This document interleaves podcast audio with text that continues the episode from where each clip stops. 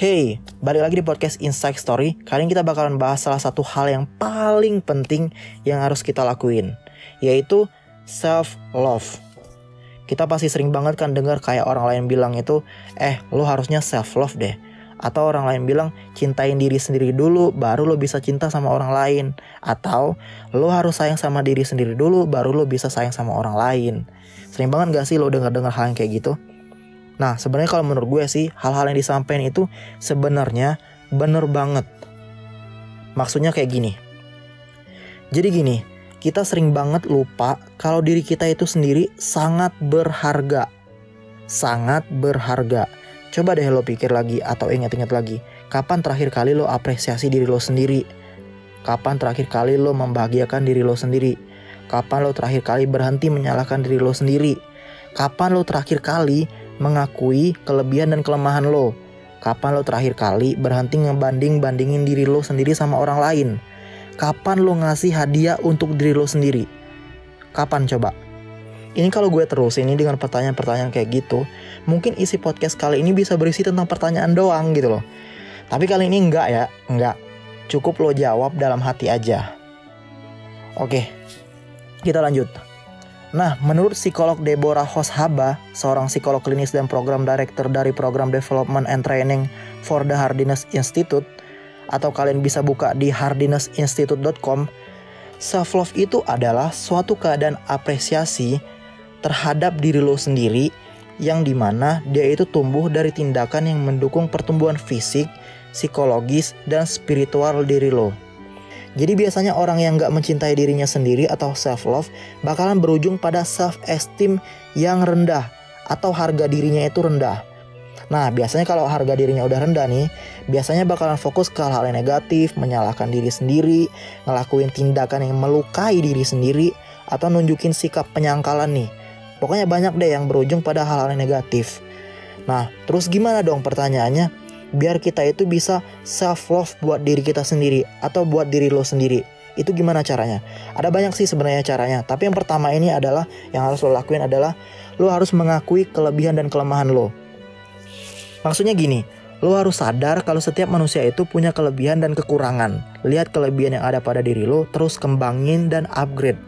Tapi lo harus ingat, setiap orang seharusnya menerima apa pun kelebihan dan kekurangannya sendiri tanpa harus ngebandingin dengan orang lain. Jadi lo nggak perlu ngebanding-bandingin diri lo terhadap orang lain juga atau sama orang lain. Itu jangan dilakuin. Oke?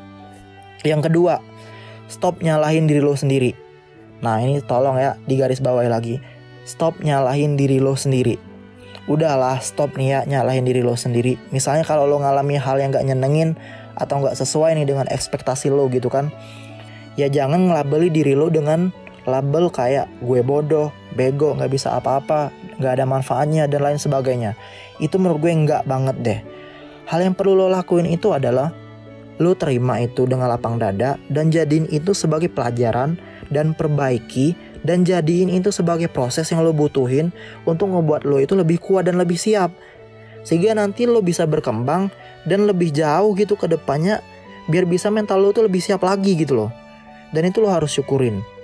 Jadi stop nyalahin diri lo sendiri, terima dengan lapang dada, perbaikin jadi ini itu sebagai proses yang di mana itu merupakan suatu hal yang lo butuhin. Yang ketiga, bersyukur dan apresiasi diri lo sendiri. Pertanyaan gue adalah, lo udah bersyukur belum atas semua yang lo punya dan lo miliki? Terus, udah ngucapin terima kasih belum ke diri lo sendiri? Misalnya contohnya kayak gini, thank you banget ya buat diri gue sendiri udah berjuang sekuat tenaga selama ini, udah ngasih yang terbaik. Untuk ke depannya kita bakalan berjuang ya, tetap semangat. Atau dengan afirmasi positif lainnya. Terima kasih buat diri gue sendiri karena udah ngasih 100% yang terbaik dari diri gue sendiri. Thank you banget, gue bangga sama diri gue sendiri. Intinya, kasih afirmasi positif kepada diri lo sendiri dan lo bisa cek di Google. Itu banyak banget contoh-contoh afirmasi positif yang bisa lo terapin kepada diri lo. Dan lo harus praktekin. Kalau lo nggak mulai sekarang ya kapan lagi lo mau mulai kan gitu. Karena kenapa? Ini penting banget. Karena ini terbukti banget kalau lo sering ngelakuin afirmasi positif untuk diri lo sendiri itu bisa bikin lo percaya pada hal-hal tertentu. Dan hal yang harus lo tahu adalah alam bawah sadar menurut Walter Jacobson itu memainkan peranan utama dalam aktualisasi kehidupan. Nah, aktualisasi kehidupan itu apa sih sebenarnya? Jadi aktualisasi kehidupan itu keinginan lo untuk menggunakan semua kemampuan lo untuk mencapai apa pun yang lo mau. Nah, jadi itu kan penting banget tuh dalam aktualisasi kehidupan. Apalagi tentang afirmasi positif itu tadi. Itu jangan lupa menjadi peranan penting juga yang lo harus lakuin kepada diri lo sendiri karena itu merupakan bagian dari self love. Selain itu, jangan lupa kasih hadiah buat diri lo sendiri. Bisa dalam bentuk makanan mungkin yang lo sukain, lakuin hobi lo, atau ikut les. Misalnya les yang lo sukain apa gitu, gitar, misalnya piano, dan lo bener-bener mau dan passion gitu lo, suka banget kepada hal-hal itu. Atau hal lain yang bisa lo temuin yang ada dalam diri lo. Itu yang ketiga. Yang keempat adalah be the best yourself. Gue kurang setuju sih sebenarnya dengan konsep be yourself menurut gue konsep be yourself itu kurang tepat. Yang bener itu kalau menurut gue ya, itu be the best yourself. Jadi lakuin dan kasih versi terbaik dari diri lo dan jangan pernah ngebanding-bandingin diri lo dengan orang lain. Karena tiap orang itu unik gitu loh. Fokus lo hanya pada rumput lo sendiri. Jadi kalau misalnya rumput tetangga lebih hijau daripada rumput lo, Berarti yang harus lo lakuin adalah perbaiki rumput lo, perbaiki rumah lo, biar lo bisa jadi contoh orang lain. Kalau lo tuh ternyata lebih hijau daripada rumput orang lain. So intinya udahlah nggak perlu ngebanding-bandingin, be the best yourself. Oke? Okay? Yang selanjutnya yang kelima adalah sadari kalau lo itu nggak sendiri. Nah ini penting banget.